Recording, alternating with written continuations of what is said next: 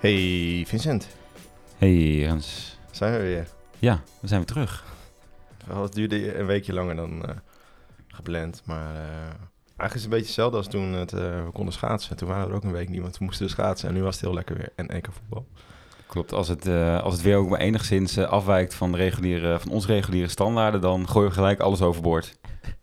We zijn er niet op ingericht. Jij kwam ook net binnen en zei, ik ben niet gemaakt voor dit, voor dit weer. Nee, nee, klopt. Nee, en ik had ook al wel geconcludeerd hoe dat, hoe dat kwam. Ja, ik, A, ik heb natuurlijk rood haar en eh, nou, dat gaat natuurlijk dan... eh ben je sneller overfit, denk ik. Maar thuis, eh, toen ik nog bij mijn ouders woonde, die, toen sliep ik altijd in, een- in een kelder. En dan nu geen gekke dingen gaan denken, maar gewoon... Nee, wil je erover praten? het, het huis was gewoon onderkelderd en daar was gewoon altijd 17 graden. Dus zodra boven de 20 was, eh, had ik het al warm. Want daar, ja, ik was gewoon helemaal daaraan gewend. Ehm, dus nu ben ik ook langzaam weer aan, het- aan het wegsmelten. We hadden net hier een ventilator staan, maar dat was toch te veel lawaai voor, eh, voor de opname. Dus die hebben we nu maar uitgezet. Dus misschien moeten we Ja. een paar etappes opnemen en dan even tussendoor koud douchen. Dan komen we weer. Ja. het is hier nu, ik kijk even op de thermometer. Het is hier nu eh, 30 graden. Oranje koorts. Ja, echt eh, de oranje koorts loopt. Nee, het was ook nog EK voetbal, dus daar moesten we ook nog allemaal even kijken. En Ja. eh, allemaal, allemaal voetbalpodcast luisteren. Maar we zijn weer terug. Eh, we zijn naar de bioscoop geweest, afgelopen dinsdag met z'n tweetjes. Dat was wel even lekker, lekker cool. Ja. Geen idee wat er dan buiten gebeurt. Wel tijdens de mooiste EK-wedstrijd. Ja, dat hadden we niet Maar- zo goed gepland. Het was, het was het waard, toch? Daarom. Want we gingen namelijk naar de Slag om de Schelde. En we zijn geen, eh, geen, geen filmpodcast. Want natuurlijk de vorige hadden we het ook over een film samen met eh Leek van de Week Thijs. Over de Oost. Maar ja, dit is toch wel weer een actueel eh, eh, item. Ja, Eh, en deze, deze lag natuurlijk al een tijdje op het schap. Ja. Hè? In, Ja. eigenlijk zouden we, volgens mij, eerste of tweede week december... zouden we eigenlijk deze podcast gaan maken. Ja. Nadat we naar de film zouden zijn geweest. Wat denk je? Wat denk je? Dikke pandemie op je bakkers. Dus toen konden we niet gaan. Nee, dus nu zijn we geweest en zijn we eigenlijk, dat vond ik wel jammer, ben ik pas eigenlijk na de film echt helemaal in de materie gedoken.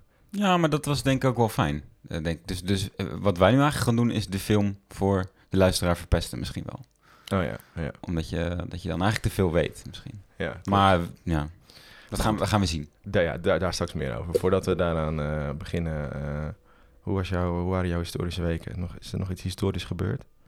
Nou, ehm, ja, zoals altijd vraag je mij natuurlijk om wat voor te bereiden. En zoals de meeste keren vergeet ik dat Ja. volledig.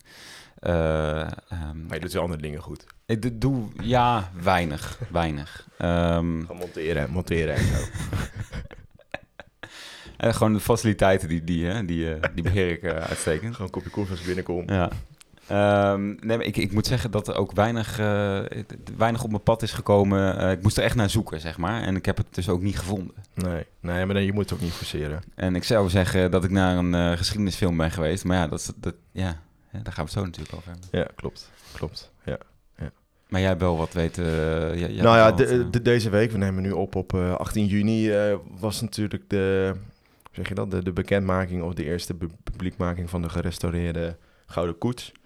Eh, hij staat nu in het eh, Amsterdam Museum. Wi- Willem-Alexander de Koning heeft hem eh, ehm, geopend of laten zien. En eh, gisteren om op 17 juni was er ook een documentaire over die eh, restauratie waar ze allemaal moesten over nadenken. Ik heb het niet helemaal gezien. Ik zag wel een stukje over dat bijvoorbeeld dan op de wielen zit eh, een of ander bladgoud of zo. En moesten die wielen weer stellen met van dat ijzer wat er omheen zit. Ja, sorry, ik ben geen eh, Bioloog. am- ambachtsman. dus ik weet er niet zoveel van. Maar het kwam er dus op neer dat ze dan op manieren moesten zoeken om dat ijzer op de juiste manier te smeden. Zonder dat de bladgoud dan eh verbrandde of eh, smolt, laat maar zeggen. Ja. Dus zulke dingen, daar liepen ze allemaal tegenaan. En moesten ze dan allemaal leuke andere oplossingen voor zoeken. Maar eigenlijk de, discussie ging natuurlijk over vooral van gaat de koning ooit nog in deze fou- foute koets rijden? Want er zit natuurlijk een soort paneel op waarin verwezen Ja. wordt naar de eh, slavernij. Ehm naar het Nederlandse slavernijverleden, waar dan een soort van de maagd staat die dan symbool staat voor Nederland. En eh, daarvoor staan dan slaafgemaakten. Ehm, en eigenlijk eh, gaat daar discussie, daar heet het over op tv, maar heeft de koning daar weer niks over gezegd. Dus dat is wel interessant. En hij staat dus nu gewoon tot en met februari 2022 in dat museum. En dat is het. En het is nog niet duidelijk wat er mee gaat gebeuren. Dus gaat hij dan bijvoorbeeld op Prinsjesdag? Maar hij is al rij klaar. Hij- Ja, volgens mij, uh, hij, moet gewoon nog, hij moet nog kunnen rijden. Dat, wat was het idee van die restauratie, ja. Ja, dus, ja. maar ze, ja, hij is dus nu klaar. En ze gaan hem... Nog eh, niet gebruiken. Ze gaan hem aankomende september dus sowieso niet gebruiken. dus dat is misschien al wel... Ja, en hij schijnt dus ook niet zo heel lekker te zitten. Hij is niet zo comfortabel. Nee, ik denk dat zijn Audi A6 inderdaad wat lekkerder zit. Ja, ja, maar ook die andere waar ze dan nu in zitten. Die, eh, de glazen glazen koets. die, die schijnt mooier. beter te zitten. Ehm, dus misschien dat ze dan dat argument gaan gebruiken voor, weet, weet ook niet hoor. Maar het is wel interessant, het is nog niet echt duidelijkheid over. Misschien, eh, als jullie dit luisteren, is het, is het dan wel duidelijk, maar het is nog steeds... Ik zou eh, zeggen, eh, niet doen. Lekker in het museum laten staan. Ja, denk ik ook. En dan hoef je ook niet het betwiste zijpaneel te verwijderen of zo, maar dan kun je juist meer, meer daarover vertellen. Ja, nee, dat moet je ook niet doen. Denk ik hoor. Ja. Want het heet dus ook echt dat, want dat vond ik wel grappig. Het- dat betwiste zij zit dan aan de linker, linkerkant van de koets. Heet ook Hulde der Koloniën. Eh, waarop mensen, en dan stond er dan voorheen, eh, werd het uitgelegd als onderdanen uit de Nederlandse Antillen, Suriname en Nederlands-Indië schatten en voortbrengselen geven aan de op een troon gezeten Hollandse maagd. En dat is dan symbool voor, eh, die, dan, die maagd staat dan symbool voor Nederland. En daarvoor krijgen ze dan beschaving terug. Dus dat zie je dan allemaal op dat paneel. Dus het is best wel uit de tijd, laat ik het maar zo zeggen. Ja. Nee, maar dat was het vooral. Ja, Dat, nou, eh, eh, bedankt. ja En, ik, eh, misschien kunnen we nog een keer een, een onderwerp of aflevering over maken. Ik vind het wel een interessant onderwerp, wat ze nu met die koets gaan doen. Heb jij hem ooit in het echt gezien? ehm, nee, nee. Hm. Nooit ergens of, of bij Prinsjesdag of zo geweest. Nee, nee. Ik wel. Ja? Ja, we stonden een keer in Pleis Loo. En ik Ah. ging vroeger heel vaak naartoe, ik weet niet waarom. Maar toen heb ik hem daar een keer gezien met mijn oma, volgens mij. Oh ja. Ja, wat, wat, ja, best klein. Ik vond hem best klein. Ja? Dat je dan, Op tv is ja, is, eh, heel, is het denk ik imponerender. veel imponerender, ja. Hm. ja. Maar toen, ik was denk toen tien of zo, dus het is ook al een tijdje geleden. Ja, dus nu is hij nog kleiner, Ja, eigenlijk. ja, ik denk niet dat ik erin kan zitten, nee. Nee, jij kan dat. Ja, maar als, ja, als, Willem-Alexander... Ja, die is ook wel groot, ja, klopt. klopt. Maar hij is wel echt, echt helemaal van goud, hè, dus dat is wel, eh, Ja. wel, wel sick. Oké, laten we snel doorgaan naar de, naar de film. Ehm, zoals al zeiden, eh, zijn we, Vincent en ik dinsdag naar de film geweest met z'n tweeën. Eh, was erg leuk, lekker, eh, allebei zakje chips. Nee, je had een eh, bakje popcorn, ik had een zakje chips gekocht. Ja, je, je houdt niet van popcorn, hè? Nee, ik had niet van popcorn, nee. Dat is een, een bescheiden bakje had ik gekocht, hè? Ja, ja, dat nou, dan sta wel- ik bij de kassa. Is het dus onderdeel van een soort Happy Meal? Moest ik er een knuffel bij nemen? Of, je- of inruilen voor een grotere bak? een grotere pak. Nou, ja. dat heb ik wel maar gedaan, want ja, je wil ook weer niet... hij zit je weer met zo'n knuffel waar je niks aan hebt. Ja, ja. Maar was lekker. Ja, gewoon ouderwets was het. Ja het Groot was scherm. gro- heel groot scherm. Het was ook een eh, bepaalde eh, techniek waar ik niet eh laser nog wat. Dus Ja. met een geluid van allerlei kanten. IMAX-achtig iets. Ja, en ja, we gingen dus naar, naar, naar de film De Slag om de Schelde. En een film die dus al een tijdje op de planken lag. Volgens mij het eerste idee was in april 2020 dat hij eh, Klopt, eh, ja. hoe heet dat, eh, in première zou gaan. Eh, hebben ze toen uitgesteld vanwege corona. En toen dachten ze van, oh mooi, dan gaan wij in de kerstperiode zitten. Omdat alle andere films, grote films zoals James Bond, werden uitgesteld eh, tot 2022. En wilden ze eigenlijk dus rond de kerst eh, deze film in première laten gaan. Maar toen precies op die dag dat het in première ging, uit mijn hoofd 17 december, Ja, ik- volgens mij op donderdag zou die in première en op woensdag Ja. werden die maatregelen aangekondigd. Ja. Ja. Dus dat werd weer uitgesteld en nu is hij dus sinds een week eigenlijk, eh, sinds de, eigenlijk de opening van de bioscoop, is die, eh, is die te zien. En het is wel interessant eigenlijk hoe, ehm, hoe die film tot, tot stand is gekomen, vond ik. Ehm, want het is dus, je ziet ook bij het begin van de film, een film is mede gemaakt door V-Fonds, ken je vast wel. Ja. Ehm, en die hebben ze eigenlijk ook, die zijn dus op zoek gegaan naar een soort van manieren om perspectieven en dilemma's in de oorlog aan kinderen en jeugd, jeugd, jeugdige mensen over te brengen. Mhm. Eh, van welke kant kies jij en, en welke keuze moet je maken? Waar sta je voor? Eh, ga je dan mee met ehm, wat dan zeg je dat? De status quo is op dat moment? Of ga je dus in verzet of zo op die manier? Ehm, en daarbij gingen ze dus op zoek naar, ze zijn dus op zoek gegaan naar middelen om dat over te brengen. Toen dachten ze, nou, film is daar ook een goede keuze in. En toen eh, is het niet, denk ik, precies zo gegaan. Maar er was ook een onderzoek naar wat zijn eigenlijk de slagen uit de, uit de Nederlandse Tweede Wereldoorlog die nauwelijks bekend zijn, maar wel eh, invloedrijk zijn geweest. En dat was eigenlijk deze, want hij heet, in de Engelse vertaling is ook de Forgotten, Forgotten Battle. Forgotten. Lekker, lekker geëngelst. Maar ehm, dus het gaat ook over, eh, over een vergeten slag eigenlijk, die heel erg eh, belangrijk is geweest eh, voor het vervolg of het verloop van de, van de Tweede Wereldoorlog. En zo kwamen eigenlijk alle, Cruciaal, zou ik wel haast durven zeggen. ja, cruciaal, kwamen, kwamen alle lijntjes bij elkaar. En is deze film eh, de twee na de duurste film ooit in Nederland. 14 miljoen heeft hij gekost. Zwartboek was net iets duurder.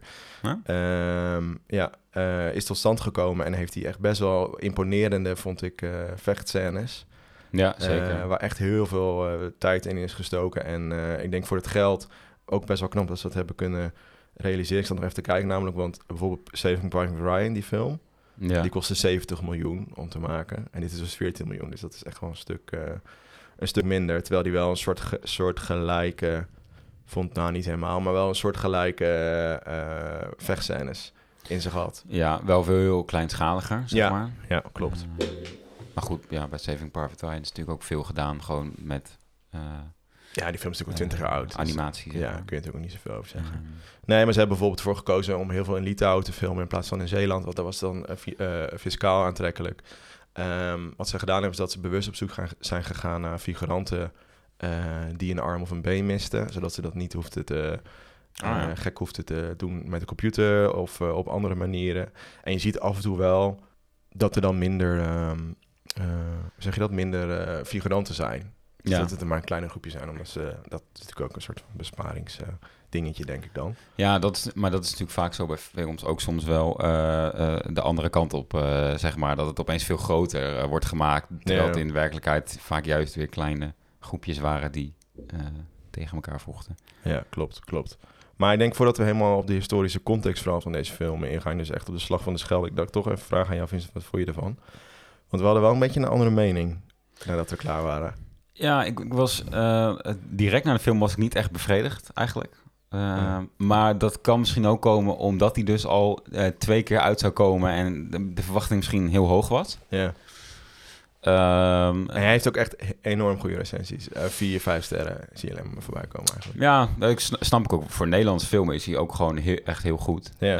Ehm, maar die trailer die deed ook een beetje eh, Dunkirk-achtig aan. Met die vliegtuigen en zo. Terwijl dat dan uiteindelijk echt maar een heel klein deel is ja. van, de, van de hele film. Maar goed, dat is natuurlijk, dat is natuurlijk altijd zo. Eh, maar wa- wat je zegt inderdaad, de verhaallijnen, die vond ik, die vond ik op zich wel sterk. Hè? Dus eh, eh, soms zie je juist dat het veel te smeuig ook wordt gemaakt van film. En dat alle verhaallijnen goed en mooi moeten eindigen. Ja. En hier was het op zich best wel een grote verhaallijn soms, die dan opeens afgekapt werd en eh, niet verder ging. Wat ik op zich ook wel mooi vond. En inderdaad, gewoon dat het heel goed duidelijk werd gemaakt, die keuze tussen goed, kwaad eh, of, of doorgaan met het dagelijks leven, dat, dat, dat kwam heel duidelijk naar voren. Wat ik minder vond is, ehm, ja, er zaten wel ook heel veel eh cliché-matige dingen dan weer in. Maar dat Ja, hoort onlosmakelijk bij, bij films, denk ik. bij een verhaal die je moet afronden ook. Ja, Ja. Ja, want je, want je vond het ook niet... Want dat, hoor, dat, was een, dat las ik ook veel en dat hoorde ik ook veel van mensen met wie ik nu over heb gehad... dat die verhaallijnen voor sommige mensen best wel ingewikkeld waren. Want het ging best wel snel. Dus even in het kort, er zijn drie, eigenlijk drie grote verhaallijnen. Drie tieners. eh, een Engelse soldaat die, eh, die eigenlijk moet vechten voor, in de slag om, om Market Garden in, bij Arnhem. Een, een Nederlandse jongen die eh, in het Duitse leger is gegaan. En een Zeeuwse, een Zeeuws meisje dat neutraal eigenlijk probeert te blijven. Ja. en gewoon doorgaat met haar dagelijkse eh, omstandigheden. En eigenlijk komen die verhaallijnen worden elke keer... eh, er wordt heel snel tussen geschakeld. En er gebeurde best wel veel ontwikkelingen. En er wordt heel veel verteld in een korte tijd. En die komen aan het einde van de film allemaal samen. En dat is natuurlijk best wel... eh, Nou, dat ja, kan heel cliché... Maar ik vond het dus wel, vond het dus wel meevallen. Maar Ja. wat dus heel erg... Wat ik wel mooi vond, wat jij ook zegt... Dat je heel erg eh, in die personen kon kruipen of zo. En dat je ook begreep dat zo'n iemand bijvoorbeeld dan bij het Duitse leger was gegaan. Dat hij die keuze had gemaakt. Want die zag dan heel snel dat hij een vader had die hem sloeg volgens mij. Weet je, zoiets zag je. Of hij gewoon alcoholist was. waren een arm gezin. En hij vertrok gewoon, ging er vandoor. En was gewoon helemaal door die propaganda eigenlijk eh, bevangen. ja. En die Engelse soldaat was een soort stoere jongen die eh denkt, oh, ik ga mooi vechten in de oorlog. Een soort soldaat van oranje verhaal van, nou ik pak ze, ik, ik, ga, ik, ga de, ik ga de, zeg je dat, de andere landen helpen. Die dan dat helemaal, dat hele beeld van hem wordt natuurlijk verpest als hij dan daadwerkelijk echt gaat vechten. Ehm, en dan dat meisje, dat, dat, die Zeeuwse tiener die dan neutraal probeert te blijven, maar dan merkt dat zijn haar, zo, of haar broertje in het verzet zit en haar beste vriendin, en weet je wel zo. ja. En dan komen ze allemaal samen. Dus voordat we te veel gaan spoilen, dat, Ja. dat is dan... Ze komen gewoon ook gewoon de hele tijd. eh, je denkt eigenlijk van, oh, hij is, heeft voor het Duitse leger gekozen, dus hij is fout. Hij heeft één keer die keuze gemaakt en dat is Ja. wat het is. Terwijl je nu heel erg ziet in deze film dat ze gewoon heel vaak eh, die keuzes moeten maken. Dus Ja. dat, ze, dat ze constant voor de keuze staan van, hey, ben ik wel goed bezig of ben ik fout bezig? Ja. Of wat is nou eigenlijk eh, Ja, het, goed het, punt. het goede om, om te doen? Ja. Dat zag je denk ik ook vooral bij die, eh, bij die jongen die dan het Duitse leger eh Ja. inging. Dat, dat die, dat was dan ook wel een beetje weer cliché, dat hij op een gegeven moment dan tot de conclusie kwam eh, dat het allemaal niet zo was eh, Ja. zoals hij dacht. Door Maar- een of andere... Dat, dat, die had die, dat was een, heel- vond ik een gekke rol. Een soort Duitse officier. Hij wordt op, een- is op een gegeven moment gewond, komt in zo'n ziekenhuis terecht... ergens in, eh, bij de oostgrens. Ja, Eh, dus, dus ergens in Litouwen, denk ik, of zo. Ja, zoiets. Ja. Eh, en, en hij is dan, eh, had geen benen meer, dus kon niet meer vechten. En ja. is een tijdje kampbewaker geweest en heeft daar dus gezien wat uiteindelijk de oorlog allemaal doet. Eh, nou ja, dat, dat bevestigt of, of dat veronderstelt dan een beetje het beeld van de Duitse soldaat was aan het vechten en wist niet Nee. wat er gebeurde met, eh, met Joden en, en, eh, en, eh, en dergelijke. ja. Ehm, En die praat al met, met, met, die, met die Nederlandse jongen en hij komt eigenlijk voor, nou niet helemaal tot één keer. je maakt hem eigenlijk wakker van, hey, geloof Ja. niet in deze bullshit. Eh, Ja, maar uiteindelijk gaat hij wel, wordt hij dus uitgezonden naar, naar Zeeland om de soort van de wal te beschermen en een soort bureauwerk te doen. Ja. Waar hij dan nog, nog wel even die keuze moet maken van ga ik dan achter de Duitsers aan of eh, kies ik de andere kant. Ja, interessant.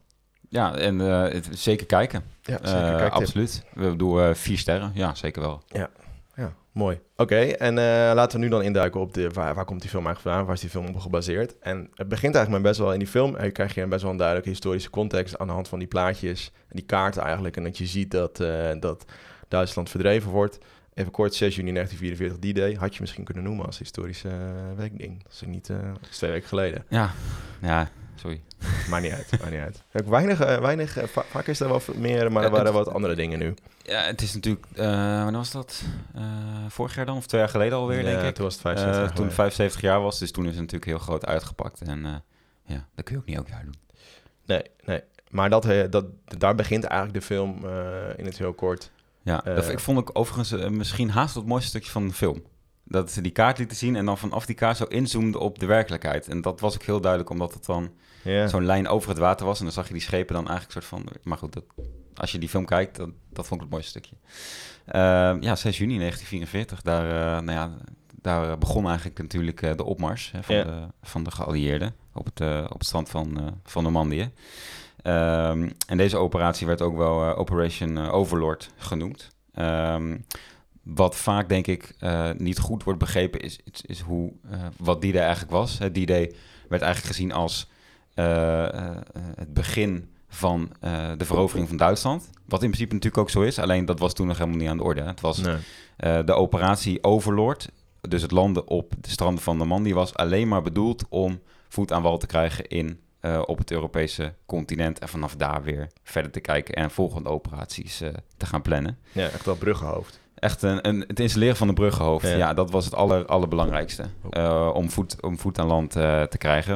Um, en wat hier met name uiteindelijk belangrijk voor was... dus je hebt Normandië, dat is dus een, nou ja, een redelijk rechte lijn uh, qua kust...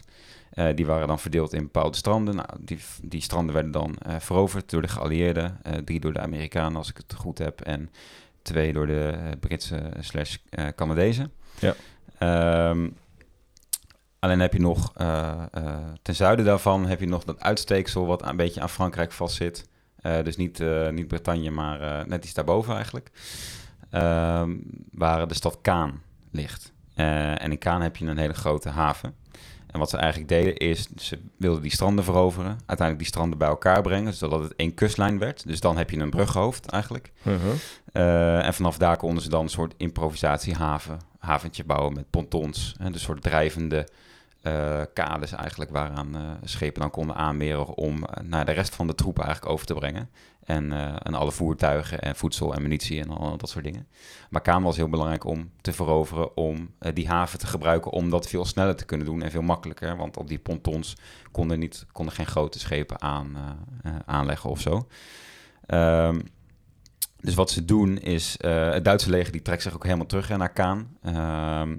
En, en, en dat wordt pas uh, op 18 juli uh, wordt Kaan pas veroverd. Dus meer dan een maand uh, dus later. dat is dan ja. echt meer dan een maand later. En het heeft ook heel lang geduurd. Ze best wel lang op die stranden van Normandië zijn ze gebleven. voordat ze verder konden. Omdat ze gewoon die extra troepen en die voertuigen nodig hadden. En die konden ook gewoon simpelweg niet over... Die zware voertuigen konden ook gewoon simpelweg niet over dat strand heen. Um, Uiteindelijk was het ook wel een soort van uh, tactiek. Hè? Uh, ze hebben juist de Duitsers heel erg naar Kaan gelokt. Van daar gaan wij zometeen naartoe.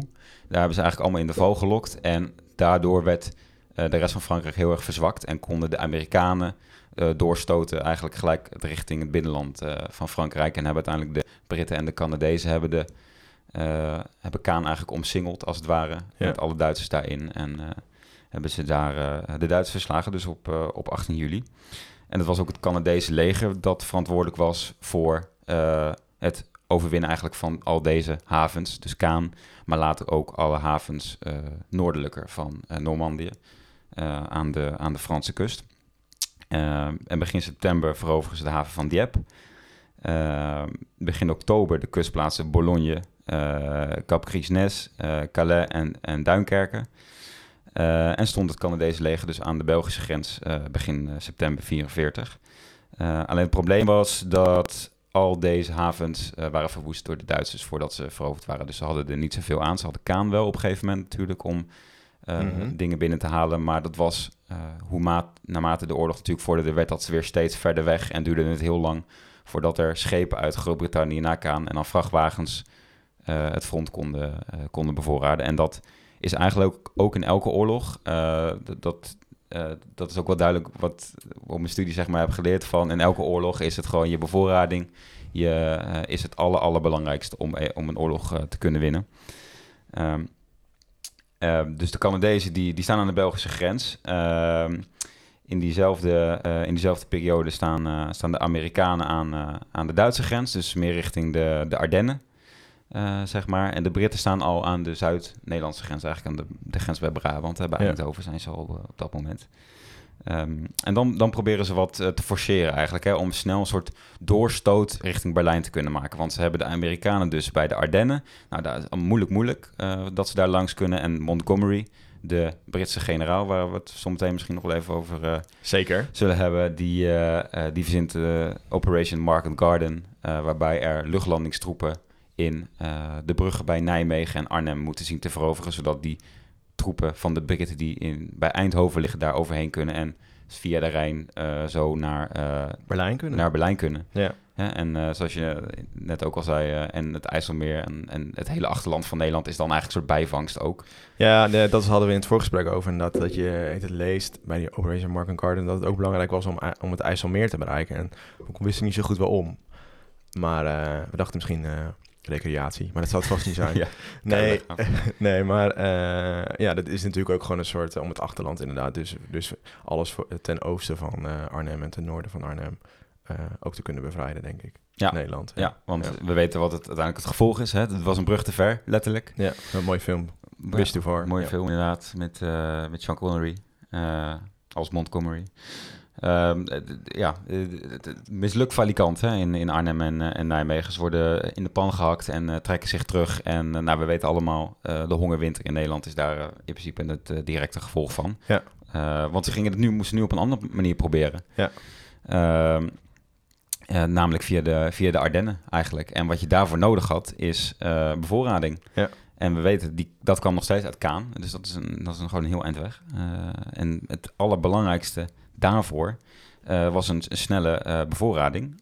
om die slag bij de Ardennen te kunnen leveren. en de haven van Antwerpen was daar de meest geschikte haven voor. Ja, want Antwerpen hadden ze dus al in september bevrijd. Zonder problemen eigenlijk, zonder schade ook aan, aan, aan de stad. Ja. je? Dus gewoon, dat ging vrij dat gemakkelijk. Het is gewoon blunder geweest dan van de Duitsers ook. Ja, maar ze hadden wel vrij snel door de Duitsers, en dat is in tegenstelling dus van de geallieerden, dat ze dus de Schelde, dus de, de, eigenlijk de mond, de Scheldemond, dus de, het stuk zee of de toevoer naar, naar de haven van Antwerpen, wat dus de, tussen de Zeeuwse eilanden loopt, uh, dat dat nog in handen was van, uh, van de Duitsers. En dat ze daar juist op moesten insteken om dat te versterken en nog beter te verdedigen.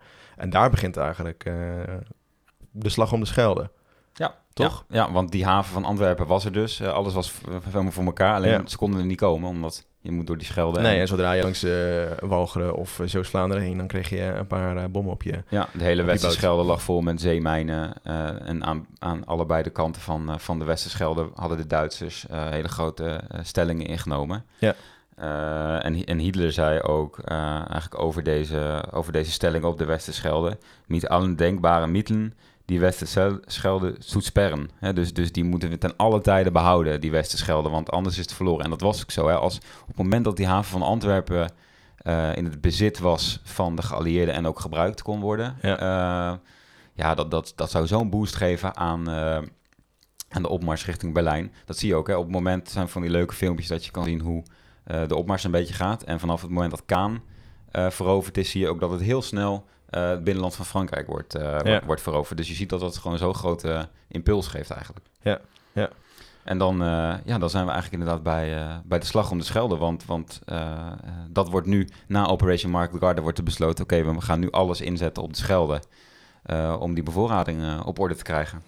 Ja, en dat was, had nog wel wat voeten in de aarde. Want ik zei net al, het zijn allemaal verschillende, verschillende eilanden. Je hebt Walcheren, Zuid-Beverland, Zeeuws-Vlaanderen, Noord-Beverland, nou, et cetera, et cetera. En eigenlijk hebben wij geleerd, als je SEC kijkt, is dat eh, eigenlijk het zuiden van, ehm, van, van, eh, van Nederland eh, vanaf, ja, in ieder geval vanaf 1944, eind 1944 bevrijd was. Eh, september eigenlijk 1944, maar dat is helemaal niet, eh, is helemaal niet waar als je hier naar kijkt. Want in, Zeeland is nog enorm hard, eh, hard gevochten. En dan begint eigenlijk ook die film. En dan zie je dus dat er eigenlijk een soort... Ik weet niet of het echt precies ook op Dolle Dinsdag was. Maar er is wel een soort Dolle Dinsdag. Eh, je hoort overal in... eh, je, ja, je ziet dan dat de mensen blij zijn in Zeeland. Want de, de, de staan al in, aan de grens met, eh, met België. En de Duitsers die vluchten eigenlijk allemaal. Maar dat, dat keert binnen een paar dagen... eh, draait het 180 graden. En wordt eh, juist Walcheren en Vlissingen en al die... ehm, gebieden daar en, en dorpen en steden extra verstevigd, omdat de Duitsers doorhebben van we moeten dit, eh, dit Ja. extra aanpakken. Ehm, en daar, ja, dan heeft eigenlijk, ehm, eh, hebben de geallieerden enkele tactieken die ze dan gaan toepassen om het toch maar te, te veroveren. Want ze kunnen het eigenlijk niet over het water doen. Want ja, want dan worden ze gewoon de, de, de toevoer of de. Dus het is elke keer zo'n centrale eh, plek waar je over moet steken, waardoor, waardoor ze eigenlijk een soort kanonnenvoer zijn. Ja. Eh, dus ze hebben dan eh, ehm, eigenlijk ja, vier soort van vier offensieven, kunnen we het zo noemen ja, ja. die ze, die ze inzetten om eigenlijk juist door deze unieke geografie toch te komen tot een, tot een verovering van die, van die eilanden. Eh, nou, en eerst was het alle gebieden ten noorden van, eh, van Antwerpen eh, en het toegang tot, tot het eh Schiereiland Zuid-Beveland veilig te stellen. En dat zie je dan dat ze al vrij snel Brabant te pakken hebben. Is ook nog wel hard gevochten bij de Brabantse wal, ken ik ook niet, maar Hm. dat, dat lees je dan ook overal. Er was ook een enorme uitdaging. Maar eigenlijk door de Poolse, de Poolse tanktroepen, de Poolse tankdivisies, moet ik het even goed zeggen, is dat gebied uiteindelijk eh, eh, veroverd. En het tweede was eigenlijk het opruimen van de, van de Breskens Pocket. Eh, zo heb jij het opgeschreven, zo lees je het ook overal. Ja. Eh, maar dat is eigenlijk om- ro- rondom het dorp eh Breskens alles onder water te zetten door alle, alle serieus alle dijken te, te bombarderen. En dan kun je- je ook heel veel dat er hele mooie pamfletten werden verspreid door de geallieerden over die, over die gebieden, over die dorpen. Van nou, willen jullie alsjeblieft vluchten binnen nu, en volgens mij 48 uur zelfs. Eh, Ja. want, we gaan, want we gaan jullie bombarderen met eh, weet ik niet hoeveel eh Lancasters vliegtuigen. Ehm, Ja, en toen was dus eh, eigenlijk met die Breskens, hè, want dat is dus het dorp waar de, waar de uh, Terneuzen-tunnel aan zit, de Scheldetunnel. Eh, dat is het Belgische deel. En eigenlijk in die fase is dus ook na dat, bombardement is die oever van de hele Westerschelde eh veroverd. Hè. Dus, dus alleen zitten de Duitsers zitten dan op dat moment alleen nog op, de Nederlandse, op het Nederlandse stuk wat aan de Schelde eh, ligt eigenlijk. Ja. En, Ja. eh, en in de eerste fase inderdaad eh, is Zuid-Beveland al eh, bereikt. Ja. Dat is dus het stuk waar, eh, waar, Goes, eh, waar Goes op ligt. Ja. Ja, Eh, klopt. Dus dat is, ja. Ik- denk dat het handig is, ook voor jezelf. Even een een kaartje kaartje bij. Want ja. Wij zaten ook even op Ja. al die eilanden. Ik vroeger wel geleerd met de topografie, maar... ja, ik ken eigenlijk alleen maar Schouwen-Duiveland en Goede Overflokkee, maar dat is nog noordelijker. ja. Nee, maar het is wel interessant, denk ik, vooral leuk of leuk om te onthouden, is dat, ehm, ehm, dat dus de geallieerden gewoon het hele gebied onder water zetten. En dat is best wel, eh, eigenlijk normaal zou je dat doen als je, als je de verdediging bent, laten we zeggen. Nederland heeft het een paar keer gedaan. Denk Ja. maar naar waterlinie. Ja. Maar nu werd het dus juist andersom gebruikt en werden dus al die dorpen eh, en alle dijken werden juist gebombardeerd om juist het water te laten... Ja, en niet alleen inderdaad bij Breskens, maar ook, eh, ook heel eh Walcheren? Ja. Waar, waar, bij Vlissingen en Middelburg. Eh, eigenlijk het laatste stuk waar de Duitsers dan op dat moment eh, nog zitten, wordt helemaal... eh, de dijken worden gebombardeerd en daardoor eh, komt het hele gebied onder water te staan. Ja, maar gaan ook, eh, vallen ook enorm veel, ehm, veel eh, burgersslachtoffers. Eh, maar het, het, werkt wel. Het, is, het, is een, ja, het, is niet, het gaat niet ma- makkelijk, maar uiteindelijk wordt- dus Zuid-Beverland eh, veroverd. En is, is er eigenlijk alleen nog maar Walcheren over als gebied waar de, waar de Duitsers zitten. Maar Walcheren is eigenlijk juist het stuk eh, waar de Scheldemond begint. Eh, denk maar aan dat het dichtst bij Engeland is. Eh zal ik het zo uitleggen. Ja. Ehm, en daar versteven ze zich helemaal. En er is maar één, o- via Zuid- Zuid-Beveland is er maar één weg. En dat is over een hele lange dam, die de Soedam heet. Ja, dus dat is vanuit Brabant dan. Ja, Ja. heel goed. Heel goed gezegd. En natuurlijk via de zee, maar daar liggen allemaal mijnen. En via de lucht zou ook nog kunnen. Maar je leest dan ook over dat er ook niet zoveel vliegtuigen en bommen beschikbaar waren voor juist dat gebied. Ja. Dat er ook weer andere keuzes werden gemaakt. Daar later meer over, denk ik, na, na de quiz. Ehm, eh, en eigenlijk is dat de, die, die, die slag die je daar ziet over die dam, dat is misschien wel de centrale slag ook, eh, ook in de film. Want je moet je voorstellen, dat is een, eh, een dam van ongeveer een kilometer toen de tijd.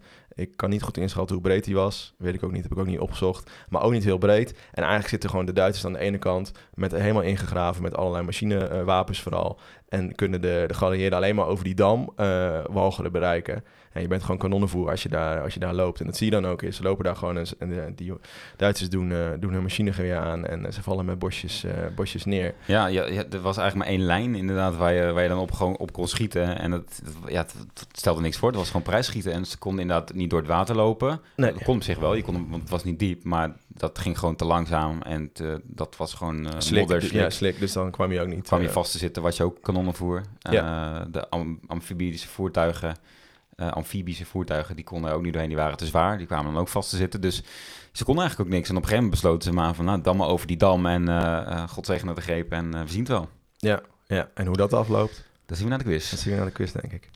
Tijd voor de quiz. Ja, 5-5 staat het. Ja. Je had vorige week, of vorige keer het antwoord goed. Onze leek van de week, Thijs, had ook het antwoord goed. Dus die betekent eigenlijk dat hij, dat- dat hij volgens mij sinds het moment dat we het zijn gaan bijhouden... is Ja. niet helemaal eerlijk natuurlijk. Sinds de meting. Sinds de meting. Nu met voetbal ook elke keer. Sinds, eh, sinds de data-analyse bijgehouden wordt, is dit het eerste doelpunt van nou, bla bla bla. Vul Ja. maar in. Ehm, maar sinds de meting inderdaad eh, hebben de, de, hebben de, ehm, zeg de, de gasten of de leken volgens mij twee punten. Als je misschien Tanzo meet al drie. Dat is de aflevering over uh, Ja. Tanzo Chile. Drie, ja, drie wel. Nou, dus ga ik dat bijhouden in ons. 5-5-3. Ze lopen hard in. Ja, wel een beetje, ja. Maar goed, eh je had hem vorige week ook goed. Dus, eh, vorige keer ook goed, dus dat betekent dat het nu gelijk staat. Ik had heel lang een voorsprong, maar ben ik kwijtgeraakt. Want ik wist niet eh, wat nou de indirecte oorzaak was. of tenminste wat, wat de, de link was tussen Napoleon Bonaparte en de Latijnse-Amerikaanse landen die in opstand kwamen tegen Spanje. Ja. En dat was eigenlijk dat Napoleon Spanje had veroverd. Dus de ideeën van, uit Frankrijk van vluchting, die, die kwamen ook terecht in die, in die wereld. Ja. Het dicht in de buurt, want ik had, zei zo iets. Ik had nog even teruggeluisterd. Ik had nog even een varretje, maar je keurde hem toch niet goed. Nee, nee, nee. Nee, dat was eh, Te makkelijk. way off. Ja, oké. Nou, maar goed. Eh, nou, ik denk, ik ga eerst een vraag aan jou stellen, want jij zit nu op de, op de wip. Hoe Ja. noem je dat? Ja, Op de... ja, schopstoel. Drijfstoel. Maakt niet uit. Zeg me stoep. stop. Nou, je gaat ervoor. Ja, ik, ik, eh, weet je, ja. ik leg de lat hoog vandaag. Ja, hoofdstuk, eh, hoofdstuk 3. Dus dan weet je wel welke periode het is. 440, 450 tot 999. Nou, Eh, vraag tussen de 91 en 100. 100. In 983, dus 983, Ja. hielden de slaven uit Oost-Europa de Oosterwaartse expansie van het Heiligste Roomse tegen door zich tijdens de... Ik, deze vraag hebben we volgens mij al een keer gehad. Ah. Dus eh, zal ik dan vraag 99 doen? Ja, is goed. Eh, waar of niet waar? Vanaf de 10e tot de 14e eeuw bestond het Varegiaanse garde, de elite lijfwacht van de Byzantijnse keizer, uit gevangen genomen Britten. Oeh. Ehm, ja, ik denk dat dat waar is.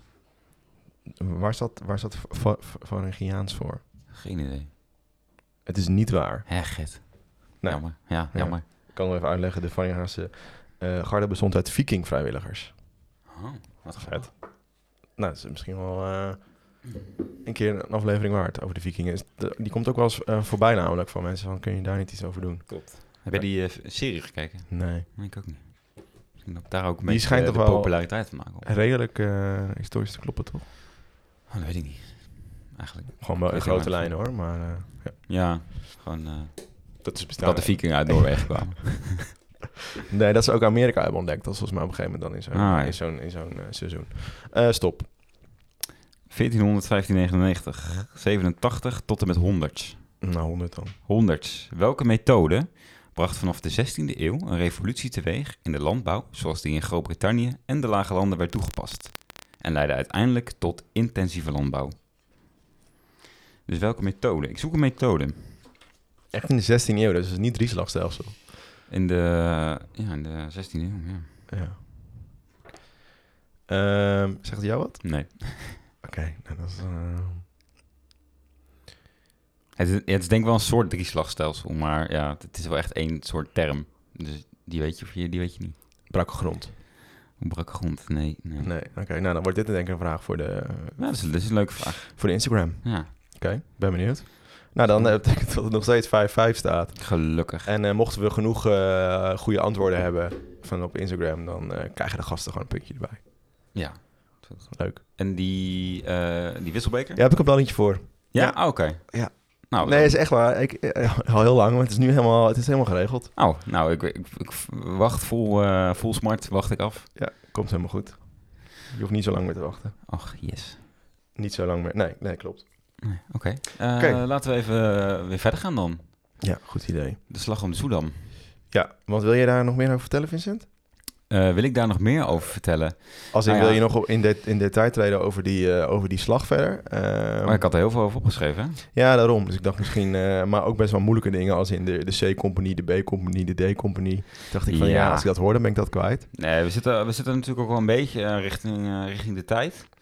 Ehm, wat denk ik wel eh, belangrijk is, eh, is dat eh, het hele gebied rond de Westerschelde op 31 oktober 1944, eh, met uitzondering dus van Walcheren nog, veroverd wordt. Mhm. En op dat moment dus die laatste vierde fase van, van de slag om de Schelde ingaat. Eh, nou, dus de, de Sloedam was dus 40 meter breed. Oh, Dat, ja, dat heb je wel opgeschreven. Dat heb ik dus wel opgeschreven, inderdaad. Ehm, ja, eerst werd het, werd, werd het plan om eh, met boten te gaan. Eh, die waren te zwaar. Ehm, vervolgens is er een groep gegaan over de dijk. Die werd helemaal in de pan gehakt. Ja, zie je ook in de film. Zie je, zie je inderdaad ook, Canadezen, in de Canadezen film. waren het. Ja, Canadezen. dat is goed om te onthouden. Ja, nee, die Canadezen, die, eh, dat waren de echte helden. Die hebben heel Nederland bevrijd. Die hebben heel Nederland bevrijd, Ja, ja. Dat waren bijna niemand strijders. Die, die, eh, die, die waren niet bang, zeg samen, maar. samen met de Polen. Samen met de Polen, ja. Die, maar die hadden natuurlijk ook misschien nog zelfs nog iets meer motivatie, denk ik. Omdat zij natuurlijk Ja, eh, zelf eh, veroverd waren. En eigenlijk voor, echt voor hun eigen land aan het, eh, aan het strijden waren, indirect. Ja.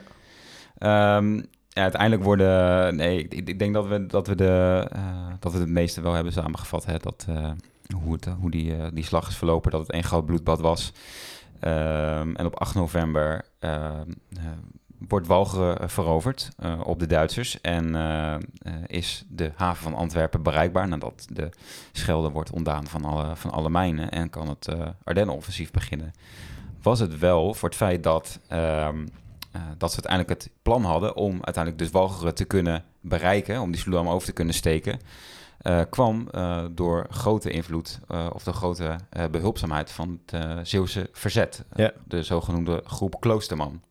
Dat zie je ook terug in de film. Dat zie je ook terug in de film. Nou ja, hoe dat precies, waar daar de grens van de waarheid ligt, eh, Het gaat wel is erg mij snel. niet in geheel gaat duidelijk. erg snel in de film. Maar eh, wat ze daar doen is de geallieerden eh, voorzien van bepaalde informatie, zodat ze door het slik, is, loopt ergens een kleine vaargul. Ja. En als je een kaart hebt, nou, dan is dat redelijk makkelijk. Maar als je die, dan, dan daar kon je dus wel doorheen varen met, met, gewoon met roeibootjes. Ja. Eh, en daarom konden ze uiteindelijk van één kant van de dam aanvallen, dus gewoon rechterop. Van de andere kant steken ze dus het water over. Dus eigenlijk een soort van parallel met de dam. En dan kunnen ze vervolgens van, van de zijkant komen. Ja. En eh, kwamen ze ook nog vanaf, eh, vanaf zee, Vanaf de Engelse kant. vanaf de Engelse kant. Dus ze komen uiteindelijk vanaf drie, drie kanten kunnen ze aanvallen. En uiteindelijk bereiken ze dus Walcheren. Ja, en, en wordt eigenlijk ja, dat gedeelte van Zeeland eh, bevrijd. En eh, is de toegang tot de Westerschelde Ja. ook bereikt. Eh, alleen duurt het nog, volgens mij moeten ze nog iets van 16 keer heen en weer varen met weet ik niet hoeveel mijnenvegers. Om Antwerpen helemaal ready te maken om, om daar te komen met je, met je boten.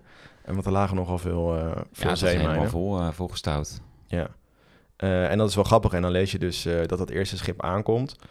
Eh, volgens mij is dat eh, 16 november uit mijn hoofd, dus ergens in die, eh, rond die periode. Ehm, en dat er dan geen, dat er allemaal hooggeplaatste militairen staan die dan blij zijn. Het is gelukt. We kunnen nu met het Ardennen-offensief beginnen, want we zijn nu veel dichterbij met onze bevoorrading. Eh, en we kunnen aan de slag. Maar er was geen één iemand uit, eh, uit Canada. En eigenlijk begint daarom ook misschien wel het verhaal, wat nu niet in de film helemaal niet naar voren komt, maar wel wat je leest. En als je, er is ook een hele best wel mooie documentaire van Omroep Zeeland op, eh, op YouTube te vinden van 50 minuten hierover. Eh, die zullen we even in de show notes plaatsen. Eh, dat je terug kan zien waarin eigenlijk ehm, wordt gezegd van waarom was dit een vergeten, ver- vergeten slag, terwijl die zo belangrijk dus was. Hè? Want Ja. jij hebt vooral net al uitgelegd van nou, daardoor kon de bevoorrading veel beter lopen. Ehm, maar dat was waarschijnlijk, wat een, wat een conclusie is van een historicus in die documentaire... en wat je ook wel veel leest in, in andere artikelen en boeken hierover... is dat omdat het eigenlijk best wel veel misging tijdens die slag. Ja. Eh, het, is helemaal, het was helemaal niet zo'n heldhaftig eh, eh, dingetje om, om dat op te nemen in de geschiedenisboeken. Maar er ging juist gewoon, eh, gewoon heel veel mis. En dat kwam volgens velen door eigenlijk de, de slechte samenwerking tussen alle, alle geallieerden. En Montgomery eh, neemt daar een hele speciale eh, rol in. Ja. Volgens, volgens velen, want die was veel te veel bezig met zijn eigen successen. En eh, die wilde gewoon naam en faam, zijn naam en faam behouden, vooral. Als eh, groot militair stratege, het gewoon een, eh, een klootzak was, volgens velen. Ja. En dus ook niet goed kon samenwerken met de Canadezen. En die, die ook nooit de, hun de eer heeft gegeven als, als hoe zeg je dat? Als, als de, de helpers of de redders die uiteindelijk de Schelde hebben, beschikbaar hebben gemaakt. Ja, want Montgomery is eigenlijk ook pas in de laatste fase van die hele slag op de Schelde. Eh, dus eh, echt richting die slag om de Soedam is die, eh, is die aangehaakt. Eh, Ja. met, en toen heeft hij ook uitgesproken van... deze deze Walcheren is op dit moment onze belangrijkste prioriteit. En daar gaan we ook, samen, ook met de Britten nu onze focus, focus op leggen. Ja, maar dat duurde wel even. Want dat, dat is eigenlijk volgens mij vooral de, de, de oorzaak waarom het niet zo... Het, het werd niet zo serieus genomen in eerste instantie. Je, je vertelde, er, na, na die day werd die eh, opmars gemaakt, vooral richting Duitsland. Eh, en volgens mij was er heel veel eh, discussie over. Moet dat een soort breed offensief worden? Dus eh, over de volle breedte van Frankrijk, laat maar zeggen, die kant op met drie eh, Amerikaanse divisies en dan Canadese en Britse divisies die dan vooral de linkerzijde deden. Dus Ja. eh Duinkerken. Moet, et- moet je zeg maar al het land veroveren? Of, Ja, of moet je gewoon Van snel plek. naar Berlijn eigenlijk... Ja. en daar de macht weghalen... en heb je dan automatisch de rest? Ja. Ja, en er werd dus gekozen voor de tweede. Dus, dus juist een small offensief. En er zaten er best wel veel goede eh, redenen bij om dat te doen. Omdat er dus juist niet zoveel munitie en niet zoveel voedsel beschikbaar was. Dus zo'n breed offensief kon eigenlijk nooit gevoerd worden... als je ook zulke, zulke slechte eh, logistiek had. Ehm, maar ehm, Montgomery heeft nooit in het begin niet gezien... dat, dat de, s- de Schelde zo belangrijk was eigenlijk. Die, die dachten van, nou kunnen we wel langs heen. En dat doen de Canadezen wel. Dat komt wel goed. En de Polen eventueel. Ja. Eh, en dat kunnen ze wel. En wij gaan gewoon door richting eh, Berlijn door helemaal te focussen op Operation Market Garden. Ja, en misschien als Mark Garden wel geslaagd was... was de Schelde ook misschien weer iets minder belangrijk geweest. Hè? Want dan had je... nou ja, had je andere havens ook nog in, Ja. Nederland waar je... Waar je toch via het IJsselmeer, Dat via dat Harderwijk. IJsselmeer, eh, ja. ja. Ja, had je iets kunnen Harderwijk, doen. Nijkerk. Minst grote Spakenburg. Al die, Heel al die, burg. eh, ja. Ja, nee, ja, maar ik vind het wel een, eh, wel een interessante discussie. En wat dan ook wel in die eh, Om- Omroep Zeeland documentaire naar voren komt, is dat dan ook wordt gezegd van ja, als dit in Den Haag was gebeurd of in Amsterdam, ja, dan was het wel in alle geschiedenisboeken opgenomen. Maar omdat het in Zeeland was gebeurd, was het niet belangrijk. Want er zijn echt, echt enorm veel burgerdoden gev- gevallen. Bijna, bij volgens mij, is, je ziet aan het einde van de film de, de exacte cijfers, maar het is eigenlijk bijna één op één. Ja. Dus eh, net zoveel Duitsers als ge- geallieerden als burgerdoden die gevallen zijn tijdens die periode van, nou wat is het, pak een beetje twee Ja. maanden Ja, hooguit. Anderhalf Eh, ja, dus dat is best wel, eh, best wel heftig. Meer dan 2000 burgerdoden. Ja. Dus dat, dat zegt al wat over de, over de impact. En het is ook bijvoorbeeld nog heel lang gevochten in Vlissingen zelf. Echt zo'n van die straatgevechten, laat maar zeggen. De, zo zeg je dat? Ja, tussen gewoon echt van straat naar straat veroveren door de geallieerden. En dan steeds verder de Duitsers verdrijven uit, uit de stad. ja. Eh, en die stad is ook helemaal verwoest eh, tijdens die slag. Was, was eigenlijk niks meer van over. Dus dat heeft enorme impact gehad. Maar wij, ja, ik wist er weinig van af voordat ik die film ging kijken eigenlijk. Ja, nee, je- ja, je, je wist natuurlijk wel iets of zo dat het, dat er wat gaande is geweest, maar niet dat, eh, dat het deze Nee. eh, proporties eh, had. Nee. Nee. Dus ik ben blij, eigenlijk net als wat we, volgens mij die conclusie die we vorige keer ook hadden bij de Oost, dat het zo'n film wel een goed, goede, goed middel is om juist zo'n verhaal te vertellen. En dan zat hier nog een soort van eh, andere laag bij, was juist die perspectieven, die verschillende perspectieven op die oorlog en op, vooral op die slag. Eh, en, de, en de keuze stress, hoe zeg je dat? Keuze dilemma's die, je- die Ja. je voor, voor je krijgt. Eh, die werden eigenlijk heel mooi, eh, werden heel mooi eh, uitgelicht. Ja. Dat was het, denk ik, hè? Ik denk eh, dat je het zo helemaal eh, goed eh, hebt samengevat. Nou, dankjewel. Ja. Nou, mooi. Ehm, dat was dan, eh, dan deze aflevering. We zullen in de, inderdaad in de show nog even wat, wat interessante links eh, plaatsen. Eh, bijvoorbeeld ehm, eh, de, de website... moet ik het even goed zeggen hoe dat uitspreekt, berichten uit het verleden. Maar er is ook een website Stichting Slag om de Schelde, waar heel veel interessante links op staan. En daar staat bijvoorbeeld een link op ehm, van een 280 pagina's eh lezende grote rapport van, zo zeg je dat? 280 pagina's lange rapport over, Ja. eh, van, van, het Canadese leger, ehm, waarin zij eigenlijk eh, de hele oorlog eh, of die hele slag uitlichten en conclusies daar geven. En op zich wel interessant om dat een keer door te bladeren als je daar geïnteresseerd in bent. Dus dat kun je nu terugvinden in de show notes. Benieuwd of, of, of deze film misschien in Canada nog wat, populariteit gaat vinden. Ja, misschien wel, ja. Want ik las dus wel dat, dat bijvoorbeeld Montgomery in Canada nog steeds als een eikel wordt gezien. Hm. Ook om dus dat, dat ja, hij dus nooit de, de, de eer heeft gegeven aan de Canadese eh, in die tijd, laat maar zeggen. Nee. Dus Nou, hij, misschien- hij pakte gewoon wat hij, eh, wat hij pakken kon. ja. Maar goed, dat, dat hele aspect komt niet terug in de film. Nee. Nee, je ziet gewoon dat het Canadese soldaten zijn. Maar En ook, ook niet echt inderdaad een hele grote helderrol of zo gecreëerd voor de Canadezen. Wel dat ze het waren, en, Nee. maar niet... nee, want uiteindelijk, eh, dat hebben we eigenlijk dat hebben we helemaal niet gezegd. Dat de Schotten ook nog een hele belangrijke rol hebben gespeeld bij die slag om de Soudam. Ehm, maar eh, ja, dat komt helemaal niet terug in de film, dat er ook Schotse soldaten mee, mee vochten. Nee. Nee.